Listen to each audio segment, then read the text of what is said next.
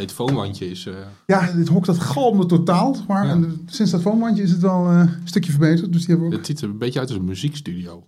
Ja, Ja. grappig hè? Ja. Welkom bij de Toren van Babel. Een nieuwe maandelijkse podcastserie binnen de Architectenweb podcast waarin we praten over hoogbouw. Mijn naam is Daan Roggeveen. Ik ben de founder van More Architecture. Ik heb tien jaar in Shanghai gewoond waar ik gefascineerd ben geraakt door hoogbouw. In deze serie praat ik met ontwerpers, ontwikkelaars en andere experts die allemaal een eigen perspectief hebben op hoogbouw. Samen gaan we op zoek naar het antwoord op de vraag: hoe maak je een echt goed hoog gebouw? Ik zit vandaag in ons kantoor aan de Lauriergracht in Amsterdam, waar ik een interview heb met de hoogbouwspecialist van dit dienststandsontwikkeling in Rotterdam, namelijk stedenbouwkundige Emiel Arends. Met Emiel praat ik onder andere over zijn nieuwe Rotterdamse hoogbouwvisie, zware criminaliteit en hoogbouw en hoe hij als student het vak leerde van Riek Bakker op de Kop van Zuid. Welkom Emiel. Leuk dat je er bent. Welkom in Amsterdam. ja, dank je. Change of scenery. Change- Ja, het is voor een hele lange tijd geleden dat ik hier weer geweest ben. Nou, om maar meteen met de deur in huis te vallen. eh, twee weken terug. Artikel in de NRC van Bernard Hulsman. De woontorengekte stopt in Rotterdam. Eindelijk. En er worden een aantal argumenten gegeven waarom dat... eh, hè, dus er was een, was een eh, recensie van het project Little C. Ja. En eh, Hulsman zegt nou, eh, eh, hoogbouw is winderig. bouwkosten zijn te hoog. Geen goede architectuur levert het op. Enzovoort, enzovoort. Ehm, dus het is maar goed dat dat eindelijk stopt. En dat we gewoon met projecten als Little C gewoon doorgaan. Geen torens meer. Ja, nou vooropgesteld, Little C is geen slecht project. Zeker niet. Een soort knuffelarchitectuur, laten we maar zeggen. Als mijn vriendin en mijn dochter instant dingen mooi vinden, dan, dan vindt de hele wereld het mooi. En het is, even objectief gezien, ook gewoon echt een goed project. Maar het is bouwen in hoge dichtheden. Zover wil ik wel meegaan met Bernard Hulsman. Maar de argumenten die hij aanhaalde in zijn stuk, denk ik, ja, winderig. Ja, dat klopt. Dat was zo vroeger. Toen we nog geen supergoeie computermodellen hadden die dat allemaal netjes konden uitrekenen. Ja. Toen we nog achteraf windstudies deden. Tegenwoordig doen we dat niet meer. We, we, meten vooraf, in het midden en daarnaast. En de computerprogramma's zijn beter. Dus dat argument is, ja, doet er eigenlijk niet toe. Ja. Hè? En, en, en, en dat stuk stond vol met argumenten waarvan ik denk, ja, we, we hebben de afgelopen paar jaar toch echt veel bijgeleerd. Wa- Wat een paar van die uitspraken wel logisch straft. En dan, gaat, dan, dan zeg je, heb je het over wind, maar dan heb je het misschien ook over de plint of over het gebrek aan eh, Zeker. nabijheid. Zeker, zeker. De, als je kijkt naar de gebouwen die we in de jaren 80 en 90 hebben neergezet, die we hoogbouw eh, noemen, ja, dat is de plint niet fantastisch. Eh, nee, maar daar hebben we wel van geleerd. En ik, eh, ik durf wel te zeggen dat de gebouwen die we de afgelopen tien jaar in Rotterdam hebben neergezet, echt allemaal een goede plint hebben. Daar moet je gewoon regels voor maken. Dat, dat moet je leren. Hè? De typologie hoogbouw bouwen we sinds begin jaren 70. En we zijn er pas in gaan wonen in 1992. Dus ja, daar zit een leercurve in. Ook voor eh, Nederland en voor Rotterdam. Eh, maar ik eh, geloof wel dat die, die, die slechte plint of die armoedige plint... dat zie ik niet terug bij de hoogbouw die we nu neerzetten. Goed, misschien eventjes dan een stapje terug. Jij bent in Rotterdam verantwoordelijk voor het hoogbouwbeleid, al jarenlang eigenlijk. Ja. Even een stukje, laten we zeggen, definitie. Wat is wat jou betreft hoogbouw, of wat Rotterdam betreft hoogbouw, en wat is een hoogbouwvisie die daarbij hoort?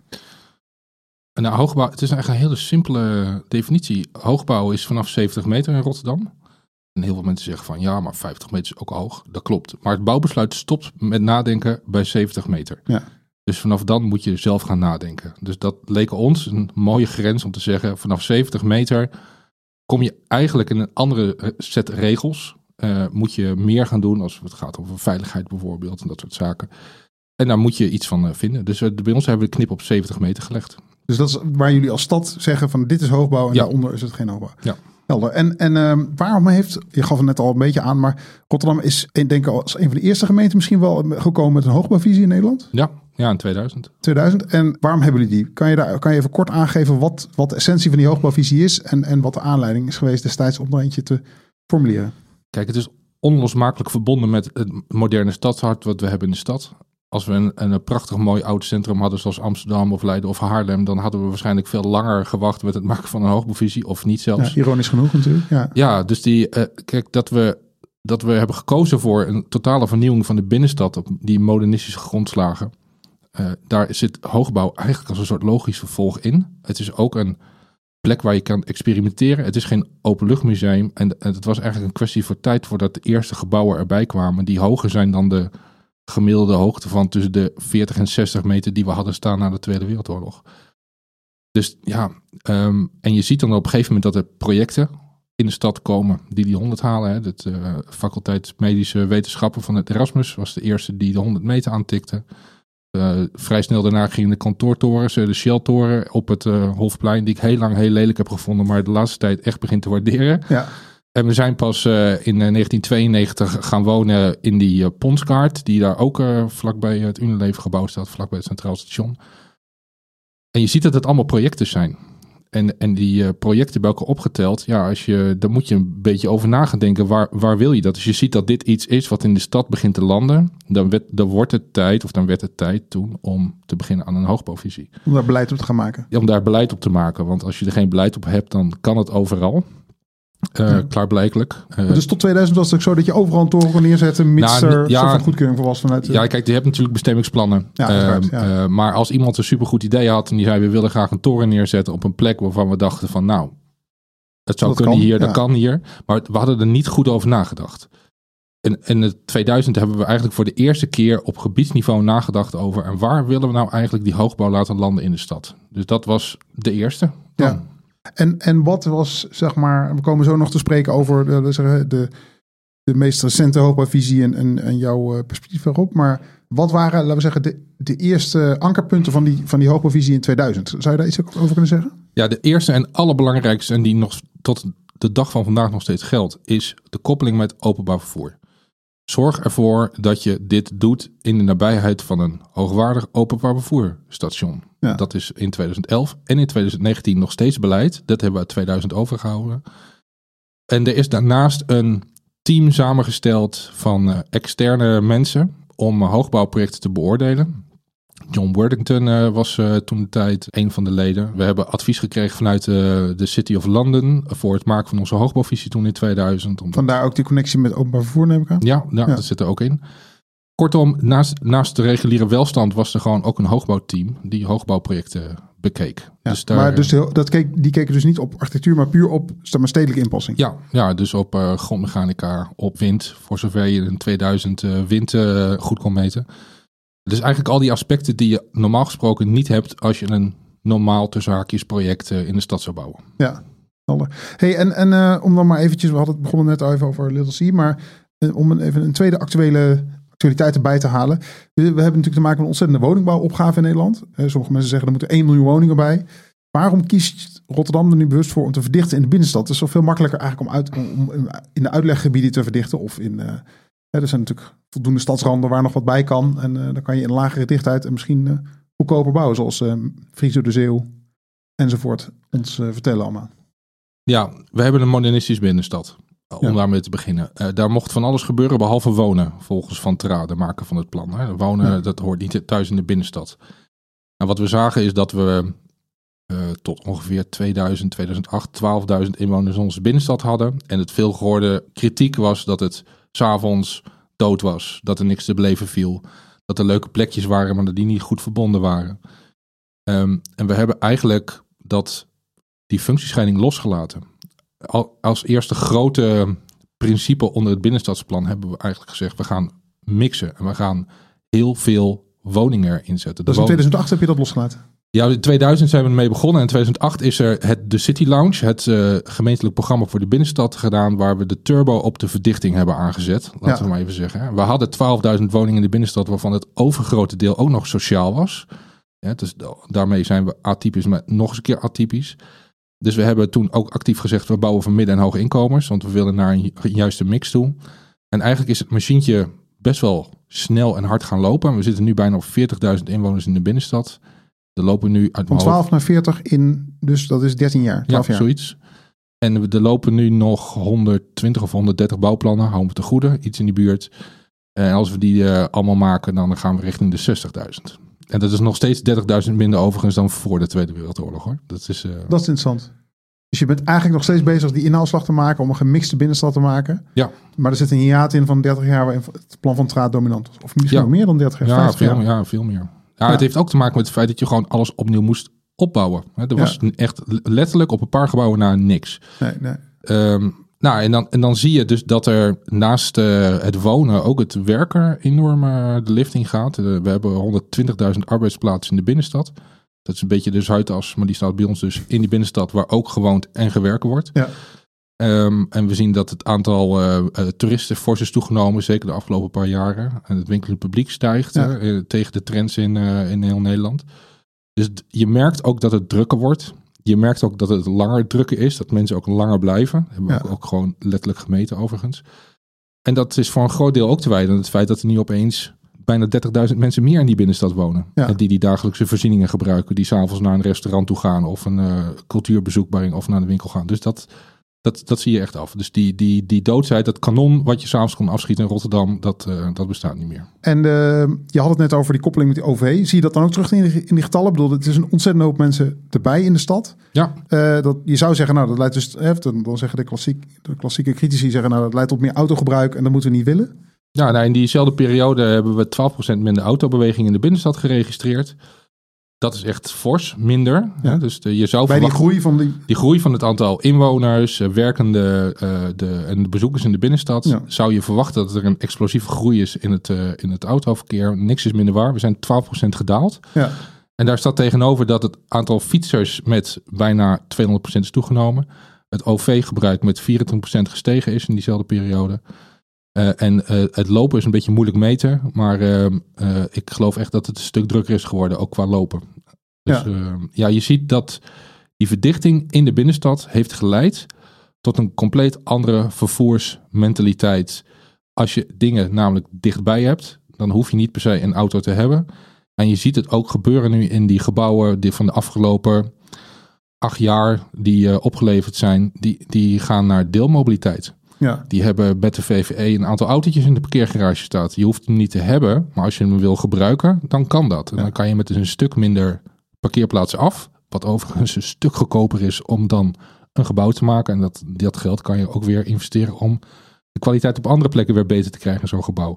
gebeurt dat ook? Ik bedoel, zetten jullie daar ook eh, vaste regels voor op papier? Of, of hoe, kan je daar iets over vertellen? Ehm, ja, is dat een omhandeling met een ontwikkelaar? Of een... Ja, kijk, we zijn geen grondeigenaar. Hè? Dus eh, we hebben weinig grond in, eh, in de binnenstad als stad. Eh, dus je kan beleid maken, dat kan je opschrijven, je kan randvoorwaarden neerzetten. Meestal heb je de gemeente wel nodig bij het ontwikkelen, ook al is het niet je eigen grond als gemeente.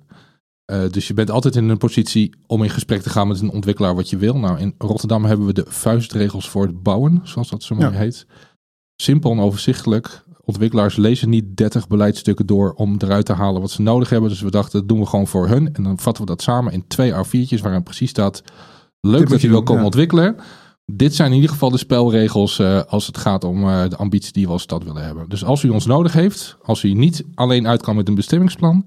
en u zit bij ons aan tafel, dan schuiven we die papiertjes over tafel. Zeg ik, nou, dit is de basis van het gesprek. Ja. En het werkt eigenlijk best wel goed. Wat mooi. En daar staat, daar, is- daarin wordt ook al gesuggereerd dat deelmobiliteit een optie is. Sterker nog, het eh, hele vervoersbeleid is erop eh, geënt. We hadden altijd minimumnormen, zoals het zo mooi heet, voor eh, bewoners parkeren en, enzovoort.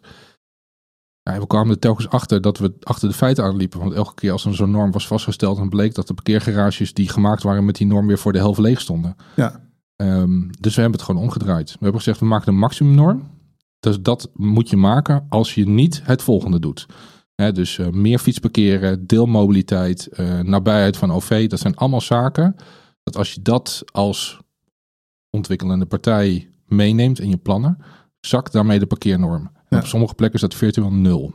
ongelooflijk. Maar dat betekent dus ook dat er voor, hun, voor die ontwikkelende partij een ontzettende reductie aan kosten in, in, dat, in zo'n plan zit. Ja, maar daardoor kan je bijvoorbeeld wel eisen dat er een groen dak op komt. eh, Waar het ook nog water vasthoudt eh, in diezelfde periode. Of dat er eh, een extra hoge plinthoogte wordt gemaakt. Of dat er bijvoorbeeld maatschappelijke functies komen in onderbouw. Dus dat, de, de, zit, daar, dat gesprek kan je dan wel hebben. Ja, ja. Dus dat is, een, dat is een kwestie van een, een, open gesprek bij Ja. Dat is, Ja, niet elke plek heeft behoefte aan hetzelfde. Nee, dat helder. is het ook. dat is helder. Ja. Nou, daarover gesproken, eh, je zegt net van we gaan verdichten in het centrum. Maar er zijn ook een andere, andere plekken in de stad waar je, eh, waar je gaat verdichten, waar meer hoogbouw bij komt. Ja. Kan je daar iets over vertellen? Nou, eh Feyenoord City, eh, Alexander en Zuidplein. Wat ze allemaal gemeen hebben is dat het OV-hubs zijn. Ja, dus die criteria uit 2000 voldoet het gewoon aan. Het zijn ook plekken, neem Alexander, waar nu 60% van het oppervlak infrastructuur is. Hè? Maar de potentie die, nou ja goed, er zijn best wel veel bureaus die erop gestudeerd hebben. De verdichtingspotentie in dat gebied is enorm. Gekoppeld aan twee metrolijnen en een intercitystation zit er gewoon ruimte om vergaand te verdichten. Kwam Dus- dat dat nooit eerder is gebeurd eigenlijk? Dat is eigenlijk heel curieus. Ja, nee, ja Zo'n bereikbare plek. Ro- Amsterdam heeft natuurlijk, of Nederland heeft natuurlijk meer. Hè? Duivendrecht is ook een goed Ja. voorbeeld ervan. Ja. Maar waarom is dat nu pas een, in beeld dat dat een, eh, een kans is? Nou, voor een deel heeft het ook te maken met het feit dat andere locaties interessanter waren. Hè? Dus de, Ja.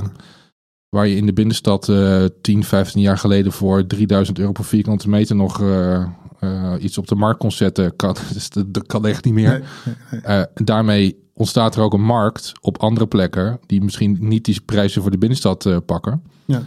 Waar je dus andersoortige bedrijven en andersoortige woningen en andersoortige milieu zou kunnen maken. Maar Ja. wat wel een, eh, een toevoeging kan zijn aan stedelijke centra in de stad. Ja. Dus ik geloof dat de tijd ook rijp is nu om door te pakken. Ja. En, en dat was het misschien daarvoor niet. Maar dat betekent dus dat je een soort van stad met meerdere stadcentra Ja, voor ogen hebt. Dus eh, Zuidplein, Ja, Alexander, nou, meerdere stad. Ja, eigenlijk wel. Weet je, ziet Alexander bijvoorbeeld is gewoon de plek waar 200.000 Rotterdammers als eerste op uitkomen. En dat Capelle er ook nog aan vastzit. Hm. En als je er nu naar gaat kijken, is het een mega grote shoppingmall die commercieel gezien waarschijnlijk fantastisch functioneert. En er staan wat kantoorgebouwen die aardig op leeftijd zijn, laten we maar zeggen. Eh, dus je, eh, maar tegelijkertijd merk je ook dat er heel veel interesse is om te ontwikkelen. En ik vind eigenlijk dat, kijk, niet iedereen hoeft per se naar de binnenstad. Het is niet erg dat je een keer eh, naar iets van cultuur gaat op een andere plek in de stad. Sterker nog, hartstikke goed. Maar als het er niet is, dan, gaat, dan is het nog steeds alle ballen op de binnenstad. Ja. Ik zo'n Theater Zuidplein bijvoorbeeld, die net is opgeleverd. Ja, het is fantastisch. Dat, eh daar krijg je ook een soort spreiding in en een soort eh, gevoel van een mix van functies. Dat is ook goed voor Zuid dat er een plek is waarbij je als je iets extra's wil dan de buurtvoorzieningen in je omgeving, dat je niet direct naar je eigen, naar, niet naar de binnenstad rent. Eh, dus ja, we gaan wel eh, meerdere plekken maken waar je een soort hoogstedelijk gevoel krijgt. Ja, dus, dus om kort te gaan, dus die, die plekken die moeten goed bereikbaar zijn per openbaar vervoer. Ja. Mix aan functies hebben, culturele functies ook hebben. Ja. En, en dan kan er verdicht worden en dan kan er gebouwd worden tot 200 meter hoogte, 250 meter. Ehm, voor de grens aan de buitenkant hebben we op 150 gezet. Dus voor de plekken buiten de binnenstad staat op 150. En daar is eigenlijk een hele simpele reden voor. Op het moment dat je geen hoogtebeperking oplegt, krijg je grondspeculatie. Want wat is die vierkante meter dan waard? Daaronder? Dat weet je niet. Want je kan ook naar 200 meter bouwen. En dan is die vierkante meter opeens een kwart meer waard. Ja, ja. Dus even een bruggetje naar 2011. Toen hebben we Pieter Bosman eh, ingevlogen vanuit eh, eh, San Francisco. Die met de Berkeley University heel druk was met wind en zon en al die andere zaken. Die zag onze hoogbouwvisie en het eerste wat hij zei is... geen hoogtelimiet. Ja, dan krijg je nooit hoogbouw. En dat was een soort opmerking. En toen dacht ik... Inderdaad, dat is interessant. Want dan blijft En- iedereen zitten wachten. Dat is eigenlijk de... ja, dus wat er dan gebeurt is dat de prijs wordt opgedreven. Ja. Dat er een paar partijen zijn die het kunnen doen. Die kopen het voor te veel geld. En je moet je dus uiteindelijk te veel programma maken op dat plotje om het terug te verdienen, waardoor het nooit goed wordt. Ja. Dus als je hoogbouw wil stimuleren, het eerste wat je doet is een hoogtelimiet instellen. Dan is de prijs voor iedereen helder. Dan zijn er meer partijen die het kunnen doen. En weet je zeker dat er nooit te veel programma op een plotje wordt gemaakt. Toen dacht ik, ja, daar is ook geen spel tussen te krijgen. Dat is interessant. En hebben jullie dan ook een, een ik bedoel, dus hoogte is natuurlijk één ding. Eh, misschien ook niet zo'n interessant onderwerp, maar eh, dichtheid is natuurlijk wel interessant. Dus heb Ja. je ook een maximum FSI, die je, eh, dus floor space index, die je per plot toepast? Niet per plot. Het wordt nu heel technisch allemaal, maar ik ja, denk nee, dat dat de, wel de, de leuk is. dichtheid is natuurlijk.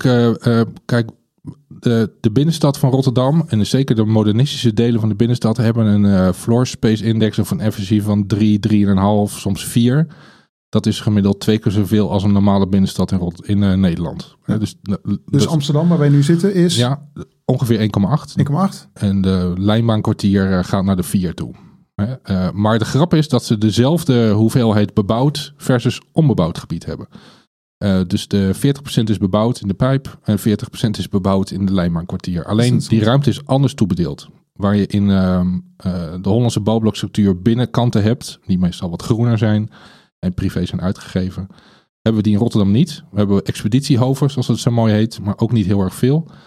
En, en daarnaast ligt alle openbare ruimte eigenlijk aan de voorkant van het gebouw. Dus we hebben ook een compleet andere gebouwtypologie in onze binnenstad dan eh, andere steden. Dus veel diepere eh, blokken op, het plintniveau natuurlijk. Ja, Ja, diepere blokken. En ze zijn gemiddeld dus twee keer zo hoog. ja. Dus waar je in Amsterdam eh, naar, naar vijf meter in de bouwblok gaat, gaan wij naar een verdieping of acht, negen, soms tien in uh, Lijmaankwartier. En dat is een beetje de, de basislaag Ja, die we hebben. De Grote Rotterdamse laag. Die De Rotterdamse laag.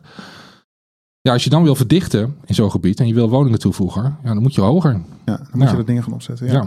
Maar goed, dus even eh, concluderend. Er is geen dichtheid per plot hier uitgegeven, maar er is een eh, dichtheid voor... Je, je hebt wel Voor- dichtheden voor bepaalde gebieden in Voor gebieden, ja. Ja, dus Ja. voor het centrum, voor... Ja, en dan zie je dat sommige gebieden, zeker de gebieden die nu nieuw ontwikkeld worden, zoals eh, de Pols van Katendrecht, eh, de Wilhelminapier, Centraal Station en omgeving, gaan naar de vijf, soms hoger. Ja, Ehm, ja, dat, en, ja, de vraag is eventjes, is, dichtheid is niet heilig.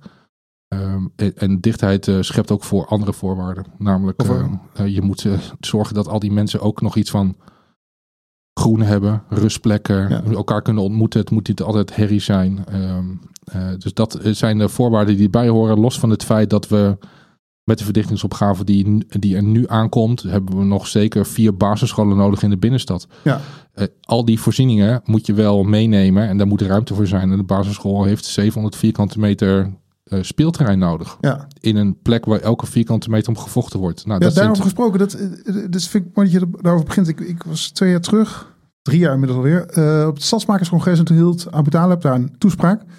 En die zei heel expliciet, hoogbouw in Rotterdam is prima, meer torens erbij hartstikke goed, maar laten we dan in die plinten van die torens in godsnaam niet alleen maar Albert Heijn to-go's maken, maar ook publieke voorzieningen. Bijvoorbeeld de school. Ja. Zo zie ik het voor me. ja, nou, of ik vond, of een fysiotherapeut. Of, eh, Precies. ja. nou, ik vond het heel verfrissend, omdat eh, eh, hij dus niet met meel in de mond praat, maar een politicus is die gewoon precies zegt waar het, waar het op staat. Maar dat was een, een speech waar jij ook aan bij hebt gedragen, neem ik aan. Nou, la- laten we zeggen, niet, ik heb niet direct gezegd dit moet erin. Maar kijk, we hadden net een nieuwe hoogbouwvisie. Waarin we dit soort dingen natuurlijk signaleerden. Eh, dat is natuurlijk ook besproken met eh, burgemeesters en wethouders. En eh, een collega van mij die er wel nadrukkelijk bij zo'n stadsmakerscongres betrokken is, die heeft dat prima gedaan door dat in die speech te krijgen. Ja. Is dat nou haalbaar? Die, want dat is eigenlijk misschien mijn, wel mijn belangrijkste vraag. Van hoe, het is natuurlijk geweldig om een, een school in de plint van een, van een toren te stoppen. Ik, ik zie het wel voor me, maar hoe krijg je het nou voor elkaar dat marktpartijen dat gaan doen? We hebben er al één. Dus dat is, Dat is dus dat kan. En met een speelterrein op het dak of Ja. in de laagbouw. Dus dat is. eh, Waar dat- is die trouwens? Eh, die zitten achter de markthal. Er zit nog geen toren aan vast, maar dat is een, een, een school op niveau met een speelterrein op het dak. Kan allemaal prima. Ja. ja, je moet af en toe je moet een beetje creatief worden. En wat ik zei, op het moment dat je dus minder kosten maakt voor het een, dan kan je uitruilen met het ander. Het blijft natuurlijk wel lastig, want je praat, je hebt een idee over wat je met de hele binnenstad wil. Je hebt een idee wat je met die kwartieren of die gebieden binnen dat binnenstad welke kant het op moet, wat je nodig hebt, wat de loopafstanden zijn, hoeveel mensen erbij komen, hoeveel Ja. kinderen ongeveer. Ja, en dan ehm, moet je met één van die projecten tot een vergelijk komen dat je dit soort functies opneemt. Nou, de ene zou bijvoorbeeld een grote medische cluster kunnen doen met huisartsen en fysiotherapeuten, waar we ook een tekort aan hebben in de binnenstad. En de ander doet een basisschool. En dat, eh, als je dat residueel eh, wegrekent, dan kost het ons allebei een klein beetje. Maar heb je ook wel de functies die je nodig hebt om aantrekkelijk te blijven. Want als je ze niet hebt, ja, dan kan je beter stoppen met verdichten. En is er dan een soort van, eh, laten we zeggen, systematiek of verdelingssystematiek over die, project, over die nieuwe hoogbouwprojecten in Rotterdam, waarin je zegt van nou, die, die laten op die en die manier die publieke functies hier en hier landen? Of, of- Ja, we hebben referentienormen.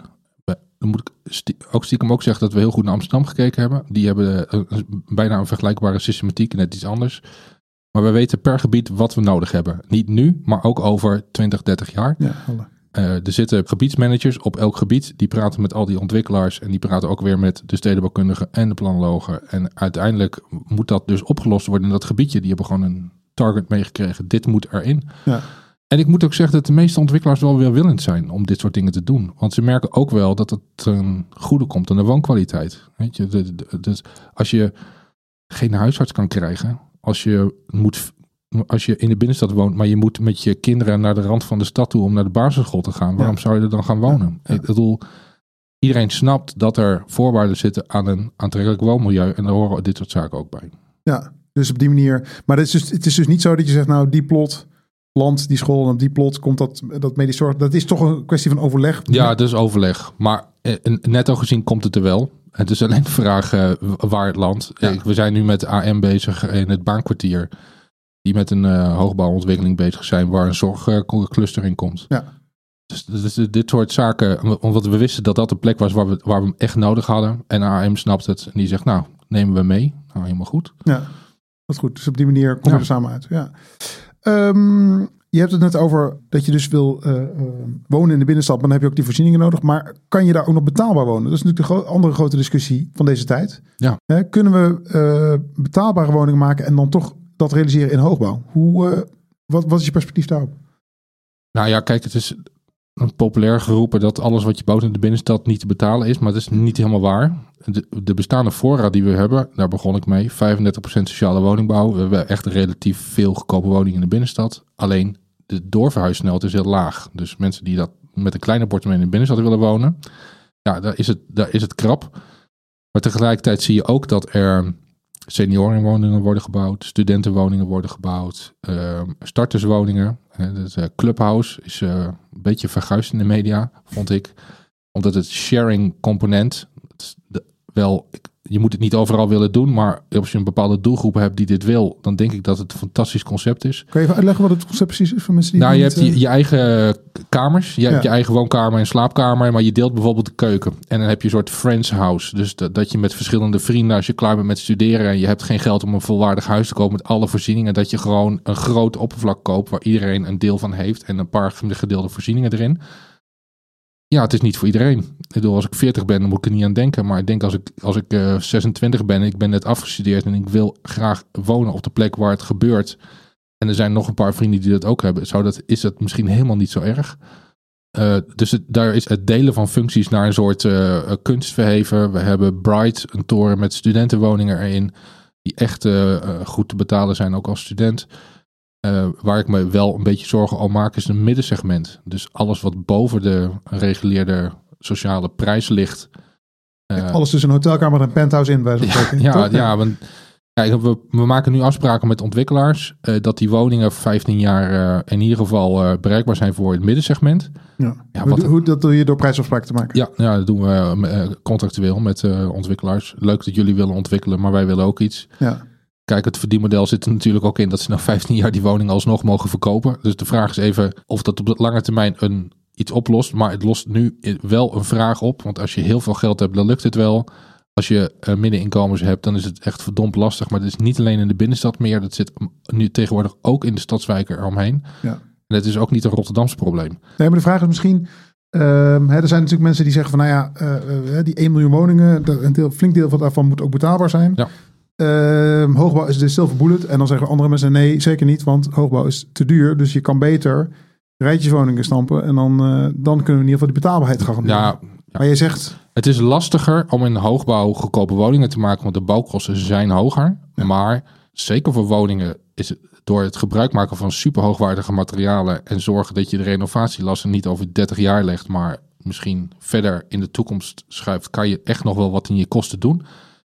Eh, En er zijn echt projecten die het doen. Er worden ook gewoon sociale woningen nu getekend in een hoogbouwplan aan de Koolsingel. Het, wordt- het wordt gewoon gedaan. Dus het gebeurt wel. Het gebeurt wel. Het is, maar ik ga niet zeggen dat het makkelijk is. Maar het is tegenwoordig helemaal niet makkelijk om sociale woningen te krijgen.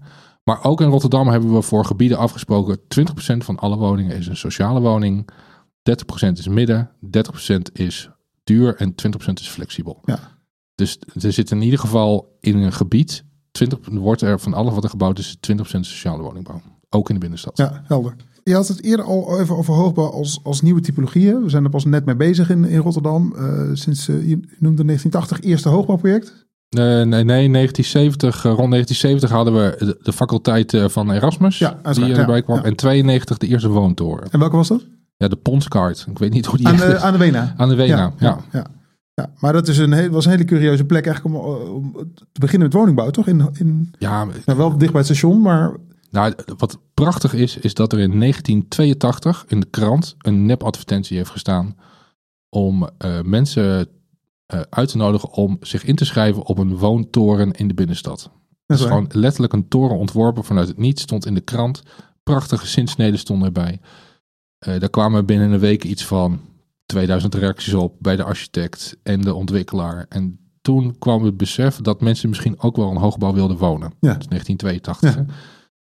En het heeft dus nog acht jaar geduurd voordat mensen het aandurfden bij het Centraal Station om de Ponskaart en daarna de Wenatoren, die vlak daarna, kwam, eh, neer te zetten als een soort eh woonplukje. En inmiddels is het, eh, elke toren die op de markt komt, is verkocht eigenlijk al voordat het is opgeleverd. Ja. Het gaat echt super rap. En de rekken ze niet uit volgens mij. En dat heb jij feitelijk gewoon zien gebeuren. Hè? Want jij bent begonnen als, eh, misschien iets over je persoonlijke achtergrond. Je bent van oorsprong planoloog. Ik ben begonnen als planoloog. Ja. Ja. En, eh, maar op een gegeven moment eh, heb je de stap gemaakt naar stedenbouw. Kan je daar iets over vertellen? Ja, ik zat in mijn derde jaar planologie en ik was tijdens mijn introductie lekker gemaakt met prachtige mooie maquettes. En uiteindelijk als planoloog heb ik nooit maquetten En gemaakt. waar was dat? in, ik heb in Deventer planologie gestudeerd. Ja. En ehm, ik zat in mijn derde jaar. Ik dacht, ja, oké, ik vind het leuk. Stedenbouw is toch echt wel leuker. Dus ik maakte de opleiding netjes af. Tijdens mijn stage kon ik bij het projectbureau Kop van Zuid stage lopen. Nou, dat is mooi meegenomen. En dit was in welk Eh, jaar? pff, ehm, eind vorige eeuw, zeg ik. Ja. Ja, ja. ik weet het. het- het, eh, Maar dit was dus, de Kop van Zuid was nog volop in ontwikkeling. De brug ja, was er, maar... de brug was er in 1996. Daar, was ik, daar was ik na, maar we waren ook nog heel druk bezig met eh, stadstuinen, eh landtong. Eigenlijk het gebied eromheen, eh, wat eh, niet alleen de Wilhelminapier, eh wat in ontwikkeling was. Maar daar heb ik een halfjaartje gezeten. Toen eh, heb ik netjes mijn studie afgemaakt. Toen had ik een vriendin die toevallig stage ging lopen in Rotterdam. En die zei, ik weet niet wat jij doet, maar dat reizen vind ik te ver. Dus eh, toen ben ik meegegaan naar Rotterdam. Ja. En als afgestudeerd planoloog eh, kwam ik in gesprek met mijn oude collega's van mijn stage. En die zeiden, wij zoeken nog een assistente stedenbouwkundige voor het projectbureau. En ze kenden me. Ja. En toen dacht ik, ja, met twee handen aangrijpen. Want ik ben planoloog en ik word gevraagd als assistent stedenbouwkundige. Dus ik heb de eerste paar jaar ongelooflijk veel geleerd als het gaat over de kleine korrel en de kleine schaal. En, eh, weet je, En dit was dus bij projectbureau ja, eh. Zuid. Ja, Riek was de supervisor. We hadden- Bakker, Riek ja. Bakker. We hadden één keer in de twee weken Q-teams. Waarin eh, de hele goede gemeente langskwamen met zijn plannen. Dus wie, wie, wie kwam allemaal langs dan? Nou ja, in die periode eh Koolhaas, Sisa, ehm eh Francine Hoeber met eh Meccano. Eh, dus, Al die torens op de Kop van Zuid al waren die torens op die kop van. Zuid waren in ontwikkeling. En we, ja, ik en samen met de collega's eh, hebben we eh, gewoon keihard gewerkt om dat voor te zorgen. Dat zo heette heel sexy stedenbouwkundige maatplannen. Maar Ja. het, het is eh, om, eh, om ervoor te zorgen dat het klopte qua aansluitingen, qua parkeren, qua weet je, al die zaken. Ehm onwijs veel van geleerd. En na twee jaar dacht ik, nu ben ik klaar voor de academie. En toen ben ik eh, de academie van bouwkunst gaan doen. In Dus, eh, Rotterdam. in Rotterdam. Ja. Dus ik ben eh planoloog en stedenbouwkundige. Ja, wat goed. Ja, ja. En maar het vak dus geleerd op de Kop van Zuid. Op in, de, ja, Echt in de... In, in die ja, ja, Want tijdens de academietijd bleef jij, neem ik aan, ook werken bij de gemeente. Ja, ja, werkte ik door aan het, eh aan het projectbureau Kop van Zuid. Ik ben, eh, ben daar gestopt nadat ik de academie had afgerond. En toen heb ik de stap gemaakt over de rivier. Dus Ja. ben ik rond met, eh, heb ik samen met Max Wan het stedenbouwkundig plan voor het Centraal Station en omgeving gemaakt. Ja. In die periode kwam de eerste hoogbouwvisie. Nou, zeg 2009 dan denk Ja, ik eh, ongeveer. En dan eh, de eerste eh, hoogbouwvisie 2011 werd gevraagd of ik die wilde doen. Vanuit mijn ervaringen waarschijnlijk vanuit de Kop van Zuid en het Centraal Station. Dus ja, ik, het is niet dat ik een enorme fascinatie voor hoogbouw heb gehad. Maar het is wel iets waar je, waar ik denk ik ook goed in ben geworden. Ja. Dat je veel met die typologie hebt gewerkt. Je snapt ook tot wanneer je kan doorvragen aan wanneer je denkt, nou weet je, nu is het er wel uit. En je snapt ook wat voor specifieke zaken erbij komen kijken als je met hoogbouw bezig bent. Dus dat is de hoogbouwvisie 2011. Ja, dus ik ben eigenlijk gewoon een beetje nou, ingerold. Is ja. misschien niet het goede woord. Want ik wist waar ik aan begon toen ik naar het projectbureau ging. Maar het was natuurlijk, ja, als, als je begint als stedenbouwkundige en je mag beginnen op een projectbureau wat toen nog full swing in bedrijf was. Waar je ehm, met Riek Bakker als supervisor, waar ik ook onwijs veel van geleerd heb. De- de- dat Wat is het je- belangrijkste wat je van Riek Bakker hebt geleerd? Als je eenmaal een nee krijgt, krijg je nooit meer een ja. Dat is, dat is wel waar, ja. Ja, dus ze zei, je moet, als je echt iets vraagt en je wil het, dan moet je eigenlijk van tevoren weten dat je een ja krijgt en anders moet je het niet vragen. En dat is tot de dag van vandaag klopt het nog steeds als een bus. Ja. Dus dat is, en dat heeft helemaal niks met stedenbouw te maken. Nee. Het is gewoon met onderhandelen en proces. Ja. Dus dat vond ik eigenlijk wel. ehm, nee, dit soort zaken, dat leer je ook niet op school. Maar dat is, dat denk ik, ja, je hebt ook gewoon gelijk. Want als je eenmaal een nee krijgt en je blijft doorzeuren, dan word je die zeur die. Ja. Ja, dus de. Dus ja, wat eigenlijk veel beter is, dat je het gewoon moet voorkoken. Mensen enthousiast moet krijgen. En als je het formeel vraagt, dat mensen het Snap weet. je. Ja, Ja, precies.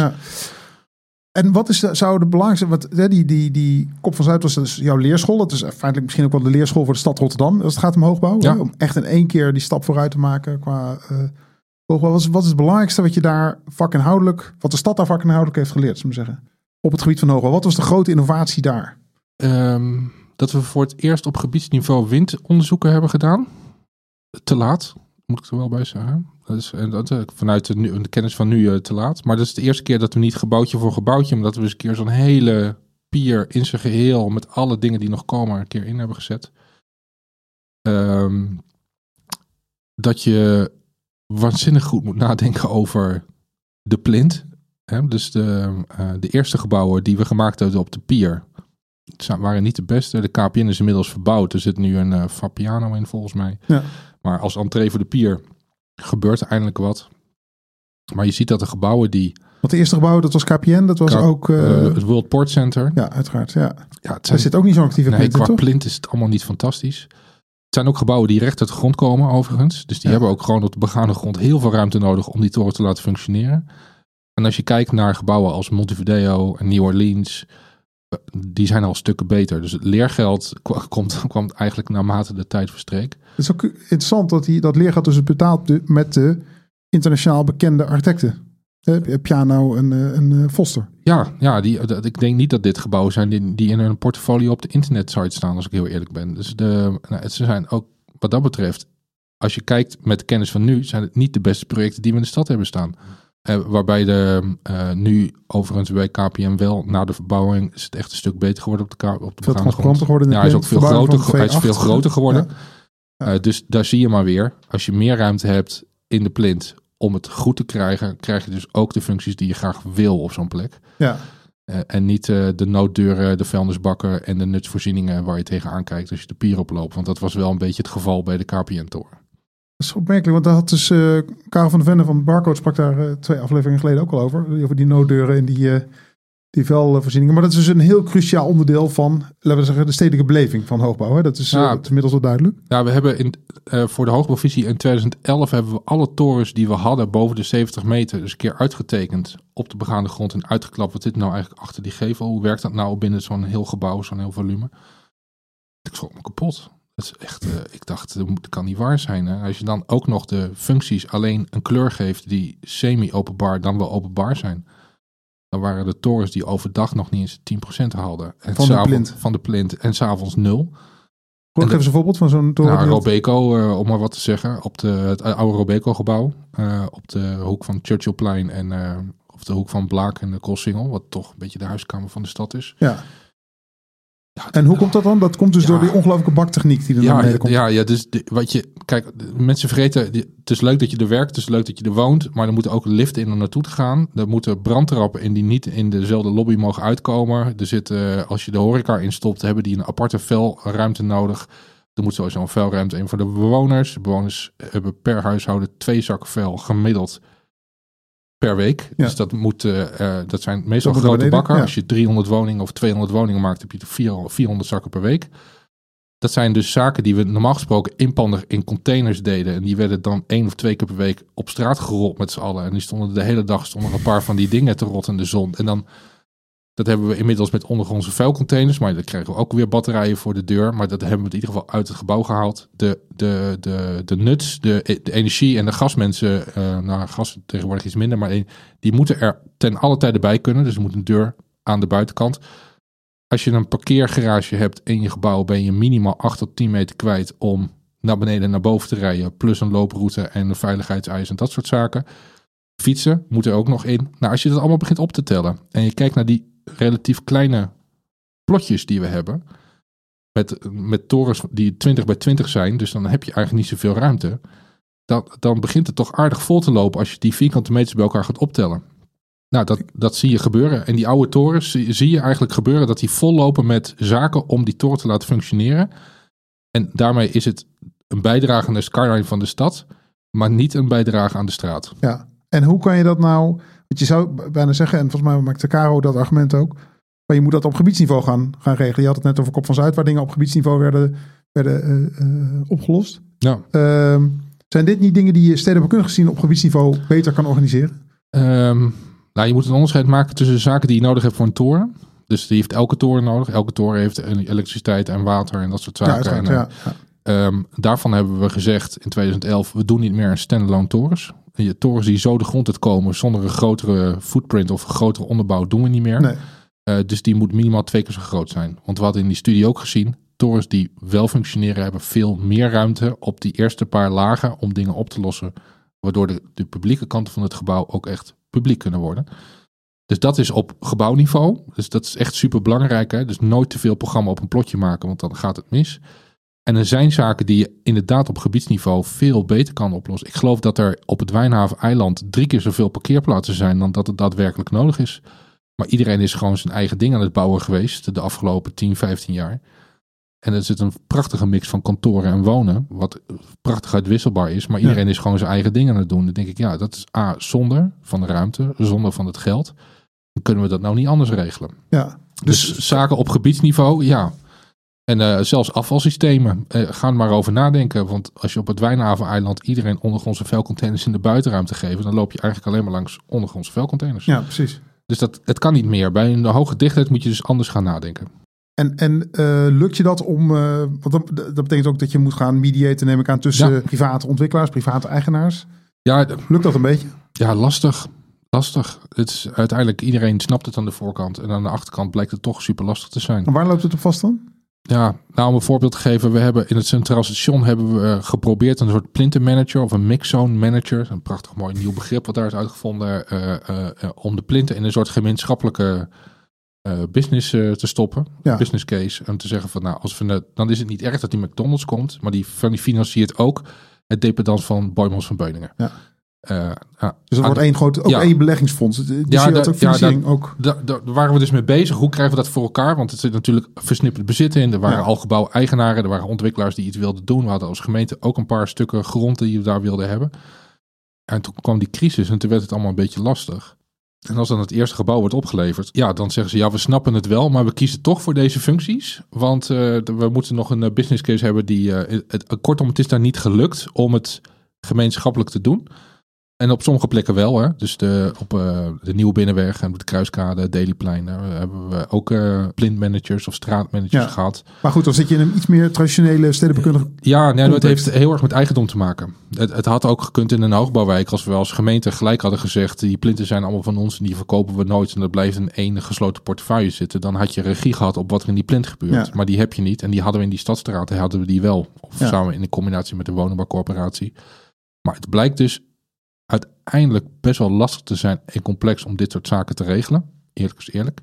Maar ik geloof er wel in. Ja, je sprak eerder al over, over eh, een soort van hoogbouw als de, de driver voor innovatie in de bouw zelf. Hè? Eh, een soort van de, ik, ik heb je horen zeggen, de Formule 1 van... Ja, nou ja, gek Je zou het kunnen vergelijken met de Formule 1. Er worden dingen ontwikkeld die uiteindelijk in normale auto's ook terecht komen. En dat hebben- moeten ze alleen ontwikkelen omdat het Formule 1 is. Ja, Het is zo complex. Het is zo moeilijk. De, komen, de, de, de problemen worden hier uitvergroot. Neem het afval. Als je gaat stapelen en je hebt 250 woningen, heb je 500 vuilniszakjes in een week. Dat kan je niet meer afdoen met een tussen haakjes normale oplossing. ja. En dat kan je als architect ook niet meer alleen bedenken. Of als stedenbouwkundige alleen. Dus daar heb je een soort groep mensen voor nodig. Die gespecialiseerd zijn. Die, die mee willen denken. En die het risico willen nemen om dit soort zaken te gaan ontwikkelen. Innovatie. Nou, je merkt dat er in Nederland al wel op meer plekken wordt nagedacht over afvalsystemen. En in Amsterdam en de sluisbuurt hebben ze een soort vacuümsysteem. Maar dan begin je met een soort tabula rasa. Dat ja. Kan niet in Rotterdam, situatie. andere Ja, situatie. Dus zo'n GFE-vergister op min 1 of min 2 in een gebouw scheelt enorm veel ruimte op de begane grond. Eh, Dat is wat je als ontwikkelaar terugkrijgt, hè, die vierkante Ja. meters en dure vierkante meters. En je geeft iets terug aan het gebouw, want het is geld waard wat je eruit haalt. Het wordt gemakkelijker. Dit zijn soorten innovaties. En hetzelfde geldt voor windturbines op de daken van bovenbouw, die mee ontworpen worden in het gebouw. Dus zie je eigenlijk niet eens in de architectuur dat er op de, op de bovenste verdieping geen penthouse zit, maar verticale windturbines. Ja. Die eh, gewoon eh, bijna de helft van de energie van zo'n gebouw eh, voor de, de gemeenschappelijke ruimte pakt. Ja, Dat kan omdat je nadenkt over energietransitie, decentrale netwerken. En dan geeft hoogbouw toch wel wat voordelen ten opzichte van andere typologieën. eh als het gaat over windenergie. Want dat zou je op laagbouw nooit doen, dit soort zaken. nee, helder. Dus die, die innovaties die je terug ziet komen omdat dingen te complex en te moeilijk worden, die vinden meestal hun weg ook wel weer naar andere gebouwen als ze eenmaal zich bewezen hebben, laat ik het zo zeggen. Ja, houtbouw natuurlijk is een eh, Houtbouw, voorbeeld. ja. Rotterdam heeft naast het Centraal Station Ja. nu... ja, dat is de eerste. Deels, hè? Deels een hout, Deel- ja. deels hout, maar wel hoog. Maar ehm, eh, deels hout. Ja, ik vind het spannend. Ik, ehm, eh, de podcast eh, van de, de tweede podcast, laten we maar zeggen, van Team V. Ja. Over dat er toch nog een betonnen kern in moet om die stabiliteit en die stevigheid te krijgen. Snap ik. Het is natuurlijk een stuk minder, heeft een veel minder grote footprint met dat hout dan een gebouw dat normaal heeft. Maar ik zie ook waanzinnige voorbeelden vanuit Amerika over waar, je- waar ze veel hoger gaan met hout. Dus ik, ben, ik, ben, ik, ik geloof dat, dat we snappen dat dit echt een weg is die we op kunnen en misschien Ja. moeten gaan. Ja. En ik geloof dat we de aankomende jaren nog veel meer mooie, innovatieve zaken van hout gaan zien. Dus eh, In de stad, in, in de Rotterdam. stad, in Ja. Rotterdam, maar ook in Nederland en daarbuiten. Ja. En het is gewoon van elkaar leren. Dat is het ook. En de vraag is natuurlijk ook van hoe kan je als gemeente dat soort innovaties eh, sturen? Hè? Dus je zal natuurlijk het, eh, het prijsinstrument is natuurlijk helpt. Hè? Ja. dat je, eh, zetten jullie dat ook in? Ja, Dus kortingen geven aan innovatieve projecten? Of, waar we de mogelijkheid hebben, als, omdat we de grond hebben, kunnen we dat doen. Hè, dus de tender naast het Centraal Station, waar nu hout wordt gebruikt, is een gemeentelijke tender. Dus Ja. op, daar hebben ze veel punten voor gehad. Dus daar, daarmee haal je het over. Te... Maar er zijn ook heel veel plekken waar we dat niet hebben. Dus waar we afhankelijk zijn van de markt. Ja. En nou hebben we in Rotterdam wel het platform Ontwikkelaars Rotterdam, waar we eens in de twee maanden mee om tafel zitten eh, met de wethouder en de directeuren om te praten over dit soort zaken in de stad. Wat willen we nou? Hè? Dus de, de grote, grotere of de ontwikkelaars die veel in Rotterdam bezig zijn, de beleggers, woningbouwcorporaties. En daar praten we dus over de stad en over dit soort zaken. Dus op basis van een goed gesprek kan er best veel. ja. Ja, ja, dus daarin kunnen ook ideeën gepitcht worden bij zo'n spreken. Ja. nou, dat is goed. We hadden het al een paar keer over eh, de hoogbouwvisie ook van 2011 en 2019. Je vertelde in 2000 2000 begon Rotterdam met de hoogbouwvisie als eerste stad in Nederland. ja denk, het, denk het wel, ja. Ja. ja. Eh, inmiddels zijn er meer steden. Ik zag Eindhoven. Er zijn een aantal andere steden die ook met zo'nzelfde visie zijn gekomen. In 2011 hebben jullie die visie vernieuwd. En dat was jouw eerste, eerste keer dat je daaraan begon te werken. Ja. Wat was de grote slag die je toen hebt gemaakt? En kan je misschien eh, daar ja, wat over uitleggen over de, de, de, de, de beslissingen ook die daaraan vooraf gaan? Nou ja, de- wat we in 2000 hebben gedaan was een klein beetje gestuurd op beeld. Kijk hoe zo'n mooie stad erbij Ja. ligt als je van een Fabrienoord komt. Dat soort romantische beelden. En die zijn nog steeds mooi hoor, begrijp me niet verkeerd. Sky's the limit, want we willen hoogbouw eh, stimuleren. Nou, daarvan weten we inmiddels dat we dat niet meer moeten doen. Ja. Ehm, en de koppeling met OV die we inhielden. Wat we zagen eigenlijk is dat er de torens die zijn neergezet tussen 2000 2011 op zich prima verdeden in die hoogbouwvisie, maar op straat niet het gewenste effect hadden. Dus de, die hoogbouwvisie van 2011 is de stad op ooghoogte als uitgangspunt genomen. Dus wat merk je nou als je langs zo'n gebouw loopt, als je in de buurt van zo'n gebouw wil verblijven? Weet je, dat, dat, dat het hoog is, is prima. Ja. Maar wat doet het nou eigenlijk met dat gebied of die straat? Dat is het uitgangspunt van 2011 geweest.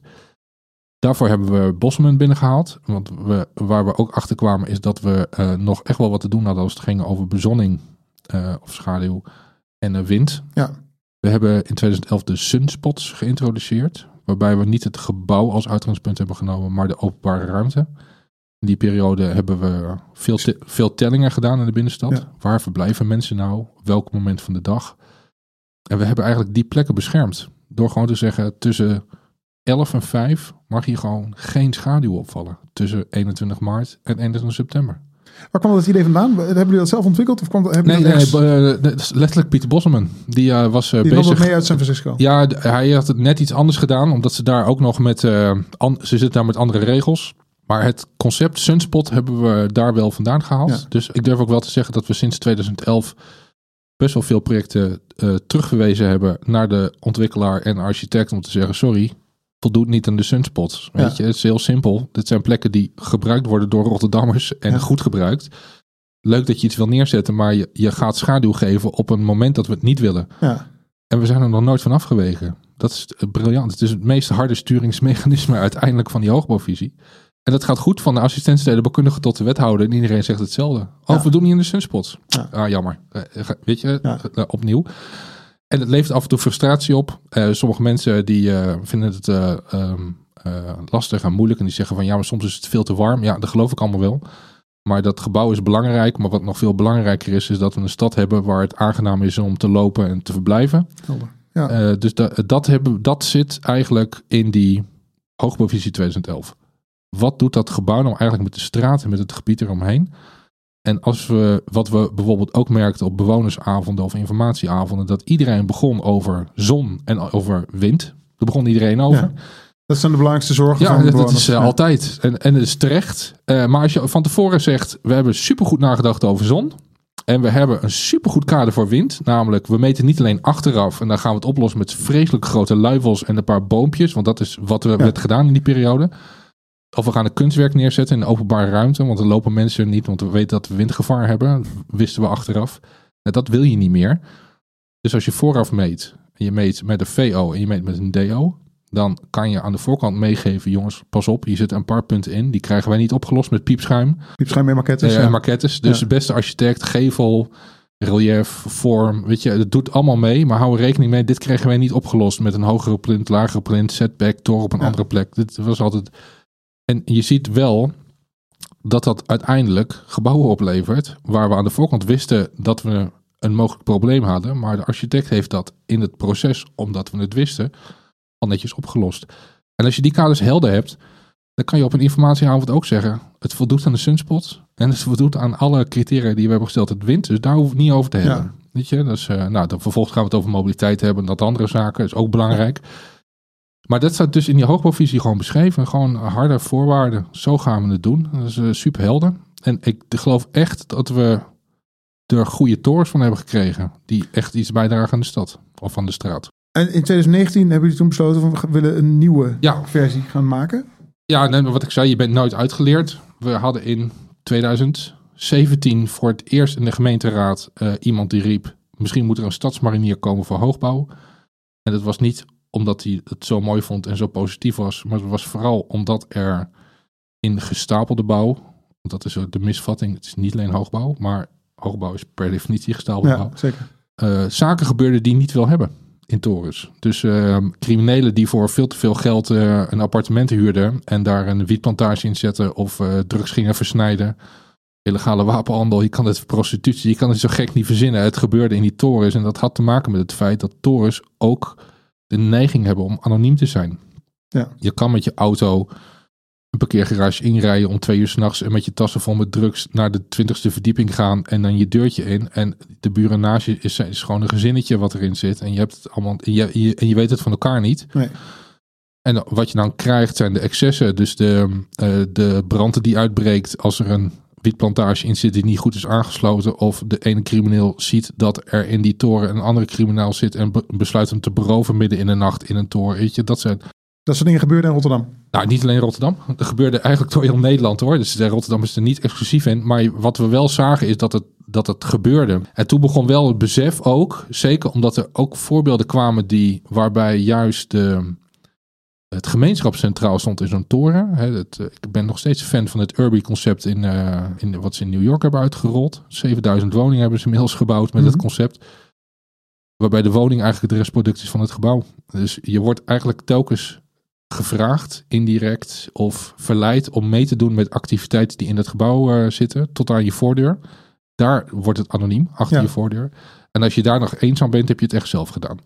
Dus de, de, er zit... er zit Gro- een soort- grote claim trouwens, maar goed. nou ja, ik bedoel, eh, en nogmaals, hè, het is niet voor elke doelgroep. Ja. Er is een mikje hier op eh, jonge mensen die eh, het leuk vinden om samen te koken met de lokale chef-kok, met de groenten van het dak, de, het café beneden waar de barista woont in hetzelfde gebouw. De yoga-juf of de yoga-leraar die in hetzelfde gebouw woont, die de hele dag door yogales aanbiedt. Dus er zit een soort continu aanbod van programma in, gemeenschappelijke wasruimtes, nou dat soort zaken, dat, is eh, wel interessant. Dus dat, dat kwam op en tegelijkertijd zagen we dus die negatieve kant dat er een soort ondermijning plaatsvond. Ehm, nou, dat, we zijn met de officier van justitie en met de politie en met onze directie veilig. ehm, eh, Je bent zelf met de politie op pad geweest ook? ja, ik ben achter in de politiebusjes eh, door Rotterdam gereden op plekken waar het mis is gegaan. En wat, wat kwam je dan tegen? Kun je een voorbeeld geven? Nou, een van die zaken die bijvoorbeeld super interessant was, is dat eh, parkeergarages die in gebouwen zitten, niet zo mooi ontworpen zijn als de entree van een gebouw zelf. En dat vooral de dames die s'avonds met een auto binnenkwamen, niet eens hun eigen parkeergarage door durfden te lopen om naar boven te gaan. Dat vond ik echt wel eh, shocking. Ja. ehm, eh, appartementen waar voorzet wanden waren gemaakt met gordijntjes waar het licht aan en uit ging. Laten we zeggen maar, de achter die wand was het echt Sodom en Gomorra. En, en, en dat gebeurde al vier, vijf jaar en niemand had het door. Ehm, wat, wat, eh, wat je ziet is dat er, als er een actieve VVE op zit, mensen die eh, eh, mensen verwelkomen in het gebouw, eh, als er sprake is van een huismeester beneden, dat de zaken eerder worden gesignaleerd en eerder worden aangegeven. Dus wat die wijkagent zei, ja, het is niet zo dat gebouwen die veel dit soort zaken hebben, de slechte gebouwen zijn. Nee, dat zullen misschien ook wel eens de goede gebouwen kunnen zijn, omdat het wordt opgemerkt. Ja, ja. En toen dacht ik, ja, Oh, dus er is geen pijl op te trekken. Dus cijfers hebben ze niet. Ehm, het is niet expliciet aan hoogbouw. Het zijn ook gebouwen van 50, 60 meter gestapeld waar dit gebeurt. Ehm, je kan aan de bron het aantal dingen doen. Dus zorg dat de, aan de verhuurkant eh, wat tegengaan. Maar een verhuurkantoor voor eh, is eigenlijk, kan je gewoon beginnen morgen. Heb Ja. ik begrepen. En, eh, En met een eh, werkgeversverklaring die vervalst is, kan je je zwarte geld zo doorsluizen naar de huur van zo'n appartement. Maar daar wordt aan gewerkt, of is aan gewerkt, hè, dus aan de voorkant. En wat kan je nou aan de achterkant doen? Dan kan je nou in beleid opschrijven om ervoor te zorgen dat dit soort zaken niet meer gebeuren. Ja, Nou, hoe kan je die gebouwen nou beter Ja. maken zodat, om te Ja. voorkomen dat dit gaat gebeuren? Ja, nou, de- eh, het is super lastig, want het ene gebouw is het andere niet. De enige doelgroep is de andere doelgroep niet. Uitgangspunt, en dat vond ik wel mooi, anonimiteit acht, begint achter de voordeur. Dus hoe ziet het dan uit op het moment dat je je gebouw binnenkomt tot aan je voordeur? Beschrijf dat nou eens. Nee? Dat is gewoon een vraag die we nu neerleggen. Beschrijf, wat gebeurt nou eens in dat gebouw? We, de- we vragen eh, sowieso dat er een knip komt tussen de parkeergarage en de woningen. Dus je kan wel met de lift vanuit je parkeergarage, maar je komt in de centrale hal uit. En vanaf daar pak je de lift naar de woning. Dus je kan nooit meer direct door. Die knip hebben we ook eh, sinds eh, Dat is sinds 2019. vastgelegd. En in die hal, dat is interessant. We hadden het al gehad over dat mixed programma in die onderbouw van die toren. Ja. Nou, we, we weten dat die onderbouw twee keer zo groot is als die toren zelf. Dat eh, Sinds- is- hè, sinds 2011. Dus zijn die slankheidsregels die we hebben gemaakt. Dus er, er zitten veel al andere functies in die onderbouw dan in die woontoren erboven meestal. Eh, en er zijn een paar hele mooie voorbeelden. Calypso heeft de, de Bagels en Beans heeft zijn ramen zelfs opengemaakt naar de hal. Waar de mensen binnenkomen om naar hun woning toe te gaan. De, de architectenbureaus daar kijken uit op diezelfde hal. De fitnessschool kijkt uit op die hal. Er zit een huismeester binnen. Ja, het is een heel dynamisch gebeuren in Ja, hal ja de- zelf. dus de hele dag door gebeuren daar dingen. En als je elke dag met 20 illegale Polen binnenkomt, dan valt dat op een gegeven moment op. Dat is, ja, dat, gaat, dat ga je gewoon een keer zien daar. Dus Ja. de, en die voorbeelden zijn er ook. Dus de, we hebben in 2000, die hoogprovisie van 2019 gaat heel erg, hè, waar de 2000 over de stad ging. 2011 over de straat gaat. Het 2019 verhaal gaat vooral over het gebouw en de mens. Ja, het sociale domein. Het sociale domein. En nogmaals, elk gebouw is anders. Elk gebouw heeft een andere doelgroep. Dat maakt het super lastig om generieke regels neer te zetten. Maar het feit dat je, hetzelfde als wind, vooraf het gesprek met een ontwikkelaar hebt. Leg me nou eens uit wat er gebeurt in dat gebouw. Levert uiteindelijk echt wel goede gebouwen op. De Muse van Barcode. ja, was, vind ik echt een van de gebouwen die daar echt letterlijk met de, met de hoogbouwvisie eh, in 2019 in de hand eh, is gebouwd. En de Maasbode die er aankomt. Dat Ja. is eh, ge- gestapelde ge, uit. Ja. eengezinswoningen waarbij ze de kern eens een keer niet in het midden van een gebouw hebben gelegd, maar naar de zijkant hebben gedrukt. Geeft compleet andere vloerplannen. Woningplattegronden, Woningplattegronden, maar ook de hele, het feit dat je nu een, in het midden een soort, eh, ja, soort stadstraat op hoogte Ja, stadstraat op. Ja. zonder auto's en fietsen, met prachtig mooie glazen ramen aan de Ja. koppen, met uitzicht over die stad, waarbij je je kind met een driewieler in een 12 meter brede binnenstraat gewoon kan laten fietsen. Ja. En met bankjes voor de deur. Ja, dat is echt een andere manier om hoogbouw te maken. Dus dat vind ik altijd een heel mooi voorbeeld. En hij wordt- nu gebouwd. Dus het is ook geen, geen studie of eh, wens of zo. Nee, dat, dit soort Nee. dingen worden gewoon gedaan. Hartstikke goed. Misschien even ter afsluiting. Je bent bezig met een boek over hoogbouw. Ja, Heb ik me laten vertellen. En ehm, dat, eh, het boek beschrijft, neem ik aan, de geschiedenis van hoogbouw in, Rotterdam. Is het, gaat het over Rotterdam alleen of, of trek je het breder? ik, ik trek het wel iets breder, maar de, de, de, de basis is Rotterdam. Kijk, ik begin, eh, het, bo- het, het boek begint in 1854 bij de uitvinding van de lift. Laten Ja, we daar beginnen. En, eh, en, het, eh, en het laat eigenlijk zien dat je door innovatie telkens andere hoogbouw krijgt. Ja. Dat is een beetje de rode draad van het boek. En ik hoop dat als je het, als we het straks af hebben, einde van het jaar hoop ik, zoiets, eh, en je hebt het gelezen, dat je nooit meer als eerste kijkt naar, oh, kijk eens hoe hoog die is. Maar dat je gaat kijken van, oh, kloppen dat soort zaken nou ook echt allemaal goed? Ja. Weet je, dat is de, de hoogte is niet zaligmakend. Ehm, Maar hoe zit het in elkaar? Hoe werkt het? ja, precies. Wat, eh, eh, dus het boek is eigenlijk een soort aaneenschakeling van innovatie door de jaren heen. En wat heeft dat betekend? Waar haal je innovatie vandaan? Daarmee maak je daar daadwerkelijk een link naar de import van zaken uit Londen, eh, eh, Duitsland, Milaan. Weet je, dat, dat, zit, Ja. dat, dat zit er ook in. Maar uiteindelijk gaat het er ook om wat we in, hoe we het dan vertalen naar een soort Nederlandse slash Rotterdamse context. Ja, Ja, heel goed. Hey, en en eh, wat kunnen we dat- wat betreft eh, leren van Rotterdam? Wat is wat misschien ook de. Ik, dat, ik neem aan dat dat ook de impliciete boodschap van je boek is op een bepaalde manier. hè, die, de- Nou, ik, ik kijk, mensen die naar Amerika en naar Azië gaan om naar hoogbouw te kijken, om vervolgens terug te komen te zeggen, dit soort torens willen we ook in Nederland of in Europa, zou ik zeggen, ja, keep on dreaming. Het gaat gewoon niet gebeuren. A, de, de markt is, zit volledig anders in elkaar, maar wat nog veel belangrijker is, is dat we een Europees grid hebben wat kleinschalig is, wat een kleine korrel heeft, wat wat zich anders gedraagt dan de superblokken. Eén blok Manhattan past in zijn geheel over het Wijnhaven-eiland. En dan zetten ze één of twee torentjes op. En wij zetten er bijna dertig op. Het is echt iets anders. Dus die fijn- fijnmazigheid en die die schaal van de stad Rotterdam en, werkt en, ik, en ik denk wat je ervan kan leren is dat we uiteindelijk bijna naar een soort Europese hoogbouwtraditie toe moeten, waar we onze eigen spelregels hebben. Als je je blijft spiegelen aan landen waarbij de maat en schaal zoveel groter is dan wat we hier gewend zijn, dan, ga je, dan, dan, dan, dan, gaat het nooit goed. Dus je moet je eigen regels ontdekken. En, en soms eh, worden die eh, ontdekt in Milaan. En soms worden die ontdekt in Londen. En soms worden die ontdekt in Rotterdam. En je probeert dat nou maar eens naar een soort. ehm, ja, we eens kijken. Blauwdruk te krijgen voor goede Europese hoogbouw. Ik denk dat dat het ook is. Het is ook gewoon leren van elkaar. Nou, heel goed. Ja. Dat lijkt me een geweldige conclusie. Dankjewel, Emiel. Ja, graag gedaan. Deze podcast werd mede mogelijk gemaakt door de Stichting Hoogbouw en verschijnt op het platform van Architectenweb. Mijn naam is Daan Roggeveen. Ik maak deze podcast samen met Lieve Heremans. Muziek werd gemaakt door mijn broer Job Roggeveen. Volg deze podcast via je eigen podcast app. Reacties kun je sturen naar hoogbouw.more-architecture.com. Bedankt voor het luisteren en tot volgende maand.